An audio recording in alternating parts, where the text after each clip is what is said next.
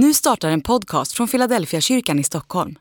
Om du vill komma i kontakt med oss, skriv gärna ett mejl till hejfiladelfiakyrkan.se. Dag 316 på Areopagen.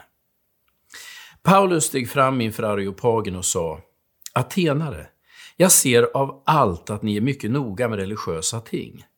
När jag har gått omkring och sett på era gudabilder har jag nämligen också upptäckt ett altare med inskriften Åt en okänd Gud.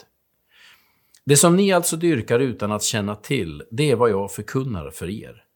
Gud som har skapat världen och allt den rymmer, han som är herre över himmel och jord, bor inte i tempel som är byggda av människohand. Inte heller låter han betjäna sig av människohänder, som om han behövde något, han som själv ger alla liv och anda och allt. Av en enda människa har han skapat alla folk. Han har låtit dem bo över hela jordens yta och han har fastställt bestämda tider för dem och de gränser inom vilka de ska bo. Det har han gjort för att de skulle söka Gud och kanske kunna treva sig fram till honom.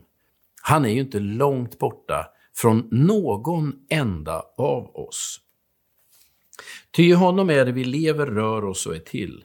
Som också några av era egna skalder har sagt. Vi har vårt ursprung i honom.